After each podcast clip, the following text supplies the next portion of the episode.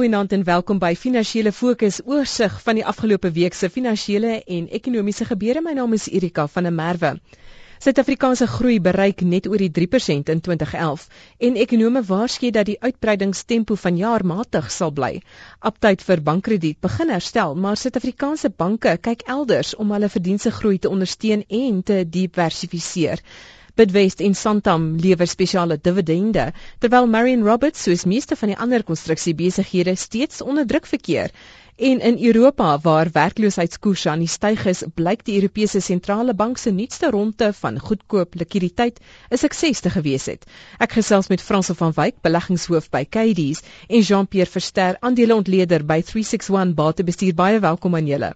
Goeienaand Erika. Hallo, goeienaand. Frans, ons begin by die internasionale prentjie. Ons het nou die nuus gehad van die Europese Sentrale Bank wat nou hierdie verdere tweede ronde van goedkoop likwiditeit 3 jaar lenings aan sy banke gelewer het en 800 banke het van die geleentheid gebruik gemaak 530 miljard euros se lenings wat uitgereik word en positiewe reaksie daarso in die staatseffekte markte. Ja, ek dink dit is ehm, 'n uh, baie nodige bestanddeel om die uh, die krisis te ontlont die banke is 'n belangrike meganisme van die finansiële bestel uit die aard van die saak en uh, hulle kapitaaltoereikendheid en ook hulle likwiditeitsposisies is baie belangrik, jy weet, um, as hulle nie gemaklik is, gaan hulle nie geld uitleen nie. Die uitleen van geld is baie belangrik vir die werklike ekonomie. Ek dink dit is uh, Europa was maar net agter die kurwe. Ehm um, hulle was soort van in 'n hoek geforseer om nou dit te doen. Ehm um, hulle beswaar natuurlik was altyd maar dat hierdie tipe goed is inflasionêr as jy geld skep vinniger as wat die ekonomie groei. En uh, ons weet dat in Europa is hulle baie sensitief vir inflasie. Uh, jy weet hulle het al of Duitsland spesifiek het al twee periodes van hiperinflasie gehad, waar die Amerikaners met die groot depressie, hulle is meer sensitief oor groei en hulle was natuurlik meer geneig om vroeër en meer aggressief likwiditeit te skep. Maar ek is bly dat die Europeërs tot die slotsom gekom het dat dit is 'n belangrike stap en dat hulle hulle weg oopgesien het om uh, hierdie tweede ronde op te volg. Jean-Pierre, as jy kyk na die ander syfers in Europa, hulle werkloosheid vir Januarie byvoorbeeld hier by die 21% met Spanje wat die swaarste ly onder werkloosheid. So hy het wel alle beleidsondersteuning nodig wat hy kan kry. Korrek, ja, en en weer eens is die suidelike state in Europa wat die swaarste trek, die meeste skuld het en die hoogste werkloosheidskoerse het. So weer eens sien ons 'n tweespoed herstel in Europa met die noordelike state wat heelwat beter vertoon as die suidelike state. En dit sal seker nog vir 'n ruk duur terwyl die suidelike state van Europa probeer deur hulle skuldsituasie werk. Franswa het nou-nou verwys na Amerika. Ben Bernanke het in die week 'n verdere aanduiding gegee van toekomstige beleidsrigting in Amerika en ek dink vir die mediumtermyn is dit 'n aanduiding dat koerse nie so laag gaan bly nie. Ja, nee, absoluut. Hy ehm uh, het natuurlik met die Humphrey Hawkins uh, toespraak uh, oorsig gegee oor die stand van die Amerikaanse ekonomie en uh, daarop gedui dat die ekonomie uh, daar's positiewe tekens in die Amerikaanse ekonomie en dat uh, jy weet rentekoerse is uit die aard van die saak ehm um, afhanklik van van die data. Jy weet en dat as die ekonomie of die ekonomiese herstel aanhou of houdbaar is, jy weet dan sal rentekoerse op 'n stadium moet aanpas vir dit.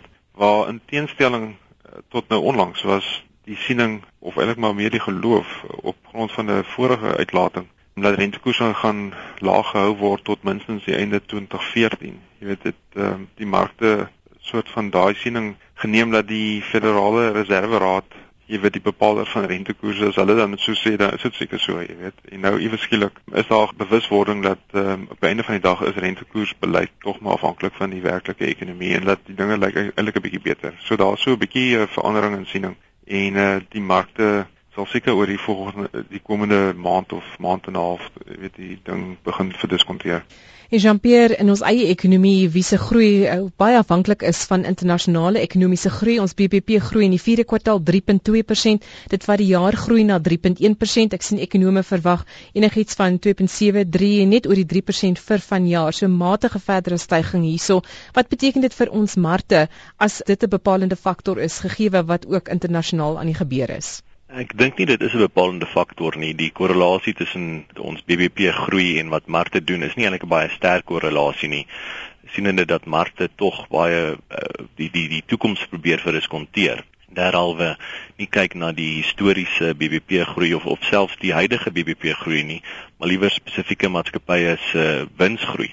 Nieteenstaande dit dink ek dat die lae rentekoerse in die FSA uh, lei tot hoër risiko-aptyd uh die hele wêreld glo globaal gesproke en dit is ook goed vir Suid-Afrika. Uh, ons het gesien die rand het versterk. Um, dit word makliker te wees vir die Suid-Afrikaanse regering om geld te leen ook in die buiteland. Die vraag na ons produkte wat ons uitvoer, insluitende kommoditeite, sal ondersteun word daardeur. So ek dink al daai elemente wys na 'n positiewe vooruitsig vir die komende jaar vir die ekonomie.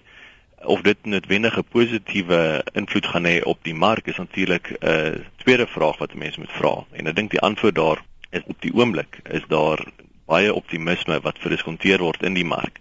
So mense sal miskien die verskil sien in hoe die ekonomie doen teenoor hoe die aandelemark doen. Franse voor ons verder gesels in daardie rigting wat Jean-Pierre nou uitgelig het, wil ek ook vinnig kyk na die regering se beleid en hoe dit marksentiment beïnvloed as ons kyk na nywerheidsbeleid, mededingingsbeleid, die optrede rondom myne en nasionalisering, ons het nou meer klarigheid daaroor gekry en dan byvoorbeeld die veranderinge by Sanral soveel so dat Moody's in die week Sanral se skuldgradering afwaarts aangepas het. Komende Vrydag kry ons die mededingingsappelhof se beslissing oor die regering se teenkanting teen die Walmart Massmart oorname byvoorbeeld. So hierdie intrede, die planne wat die regering het om ons ekonomie in 'n sekere rigting te laat beweeg. Weet, dit skep onsekerheid en uh, markte hou nie van onsekerheid nie. Besigheidsleiers hou nie van onsekerheid nie want dit maak hulle besluitneming soveel moeiliker. Ek dink almal aanvaar dat die regering het sy agenda. Jy weet wat hy dink in sy opinie baie goed bedoel. Maar dit bring verandering en verwringing en uh, staatsinmenging is nooit 'n goeie ding nie want dit is dan afhanklik van eintlik maar 'n bureaukratiese spul ouens uh, nie op die markmeganisme nie. So dit uh, is kommerwekkend. Ehm um, 'n mens hoop net dat hulle oordoen dit nie, jy weet, dit is maar die een van die groot gevare in Suid-Afrika en dit is hoekom die kredietgraderingsagentskappe is eintlik besig om 'n bietjie te knor vir ons regering om te sê, maar kyk, julle julle beweeg in die, in die verkeerde rigting. Mm. Maar ek dink eh, Jean-Pierre, ons eie banke is net so vies weer vir Moody's. Hy het hierdie week 5 van ons groot banke se gradering afwas aangepas. Hy sê dis glad nie persoonlik nie. Hy hy kan sien die banke is heel gesond. Wat Moody's pla is die sistemiese risiko, die vermoë van ons regering om in te tree om ons banke te red indien daar een of ander finansiële krisis is. Korrek, maar tog in reaksie het die banke se aandelepryse baie goed vertoon die afgelope week. So ek dink wat dit wys is dat die mark nie hulle veel steur aan aan Moody's se uh, se verslag wat uitgereik is nie, maar liewer kyk na ons banke op hulle eie meriete en ek dink op hulle eie meriete uh, staan hulle baie sterk. In die afgelope week het ons baie goeie resultate van Nedbank gekry, hulle voljaarresultate tot die einde van 2011 sowel as die interim resultate van FirstRand ook tot Desember 2011. En beide daai resultate was baie sterk geweest. So Moody sien miskien 'n bietjie eh, donker wolke op die horison, maar as mens luister na die banke self en die hoofuitvoerende beamptes uh, van Nedbank en FirstRand, dan klink dit asof hulle positief is oor die toekoms. So ek sou meer gewig sit aan hulle opinie as as Moody se opinie oor die sistemiese risiko. François as beleggingshoof, hoe sien jy die Suid-Afrikaanse finansiële sektor of dit nou die banke is en ook die lewensversekeraars wat ook van hulle wat ook in die week eh, syfers gelewer het, die aantreklikheid van hierdie sektor vorentoe? Ja, ek dink wat gebeur is daar's 'n normalisering in hulle bedryfsomgewing. Hulle het natuurlik ook die die wind in hulle seile uh in terme van terugskrywing van potensiële swak skulde. So hulle voorsienings wat verlaag, jy weet, help natuurlik die syfers. Hulle kredietverlening is uit die aard van die saak nog nie baie sterk nie. Ons is hier in die omgewing van 6% wat nie sterk is nie. En ek ek dink daar's ook maar 'n groot sentimentele impak uit Europa, jy weet, met die kredietinspuiting in daai ekonomie en die in die verligting van risiko's vir vir daai banksektor is daar 'n soort van 'n slaak van verligting wat gesluk word en uh, dit het 'n positiewe impak hier in ons finansiële sektor. Maar ehm um, jy weet dit gesê, ek dink die banke is uh, nie meer so goedkoop nie. Jy weet mense moet sien natuurlik is die vraag vra, is dit net 'n sikliese verbetering of is dit 'n sekulêre strukturele verbetering en ehm um, ek is in die kamp waar ek dink hierdie is maar alles siklies van aard die Basel 3 regulering gaan eintlik maar banke se winsgewendheidsvlakke negatief beïnvloed want hulle moet hoër kapitaal hou en meer likwide befondsingsstrukture hou. Ehm um, regulering van banke reg rondom die wêreld is aan die toeneem, jy weet en dit beteken eintlik maar net dat hulle fundamenteel is die ruimte om baie goeie winste te maak gaan so bietjie ingeperk word. Maar jy weet ek wil nie negatief klink nie, maar ek dink net ehm um, mens met die sikliese van die meer strukturele faktore onderskei en ek dink die die winsgewendheidsvlakke van die Suid-Afrikaanse banksektor gaan nie noodwendig terug na waar dit was in die laat 90s uh, vroeg 2000s nie. Jean-Pierre, miskien as jy net vinnig daarop kan reageer, sou jy in hierdie stadium enige van ons banke gekoop het?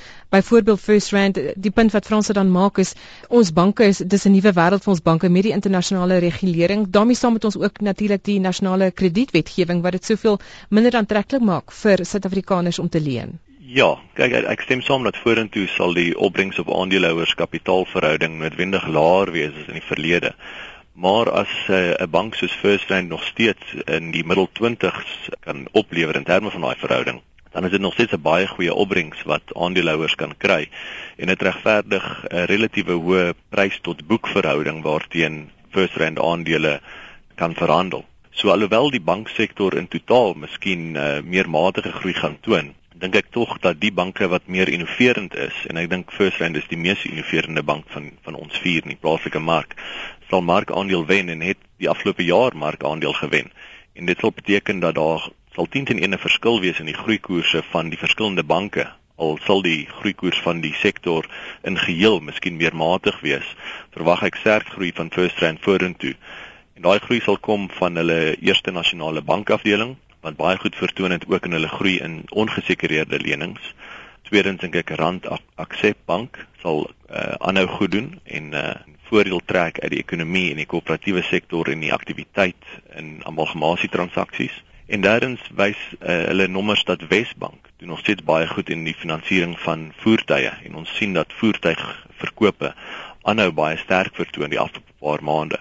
So alhoewel die banksektor in totaal matige groei gaan toon, dink ek 'n bank soos First Rand is nog steeds een om na te kyk om die aandele aan te skaf omdat ek dink hulle sal markaandeel wen van die ander drie groot banke. En Franso verder ekwiteite aandele is dit nog die rigting om in te beweeg hoër risiko vir beleggers maar waarskynlik daar waar jy die opbrengste gaan kry in 2012. Ja nee ek dink so. Ek dink 'n mens moet natuurlik uh, jy weet daar's daar's twee maniere om hierna te kyk. Een is hoe vergelyk aandele se aanslag met sy eie geskiedenis en die ander een is hoe vergelyk sy waardasievlakke met die ander bateklasse. En uh, Ek dink as 'n mens aandele teenoor sy eie geskiedenis eh, evalueer, dan is dit jy weet, dit is sê nou maar neutraal. Maar as jy kyk na jou alternatiewe buite aandele, die ander bateklasse, dan relatief tot daai bateklasse is aandele baie baie goedkoop. En uh, met die fokus om likwiditeit in die ekonomie van die wêreld te te bewerkstellig en te verhoog, weet jy met die fokus op groei, is daar baie likwiditeit in die markte. Mense was laas jaar baie sineweagtig, baie negatief die ander bateklasse het toe die voordeel getrek van daai sentiment in die mark. En nou met soort van die die prentjie wat 'n bietjie meer positief ontsluit of ontvou, kom mense agter maar kyk, die wêreld gaan nie tot 'n einde kom nie. Die maatskappy groei is winsgroei is eintlik nog heel aantreklik. Hulle wins winsgewendheidsvlakke is eintlik baie aantreklik. Hulle balansstate is in 'n baie goeie gesonde toestand. So die geleentheid lê 10 teen 1 daar. Jy weet so ek sou sê as jy wil reële groei in jou portefeuilles of in jou beleggings wil bewerkstellig, dan moet jy definitief uh fokus op aandele. 'n Bullmark nou maar altyd uh, 'n muur van bekommernis uit. Dit is maar hoe die markte werk. Jean-Pierre Marion Roberts het resultate gelewer sy voljaar verlies het vergroot, maar lyk like my al die konstruksiemaatskappye sit nog steeds in 'n redelike verknorsing. Dit lyk so en ek dink Marian Roberts sit in die grootste verknorsing van die groot konstruksiemaatskappye. Hulle het ook aangekondig saam met daai resultaat dat hulle kyk om ongeveer 2 miljard rand vanaf die mark in te win om te help met hulle skuldsituasie en die befondsing van hulle werk vorentoe. So ek dink dat baie beleggers uh, wag nou al vir langer as 'n jaar vir 'n herstel in die konstruksiesektor en ongelukkig elke keer wat hierdie konstruksiemaatskappye uitkom met resultate word die herstel uitgestel. So uh, ongelukkig dink ek beleggers gaan nog 'n rukkie moet wag as ek hierdie Marian Roberts resultate so lees. Jean-Pierre en François baie dankie. Jean-Pierre Verster is 'n aandeleontleder by 361 Batebestuur. François van Wyk is beleggingshoof by Kadies. My naam is Erika van der Merwe en dankie dat jy saam geluister het. Ons is volgende Sondag aand 20 voor 9 weer hierso. Geseënde week vorentoe. Totsiens.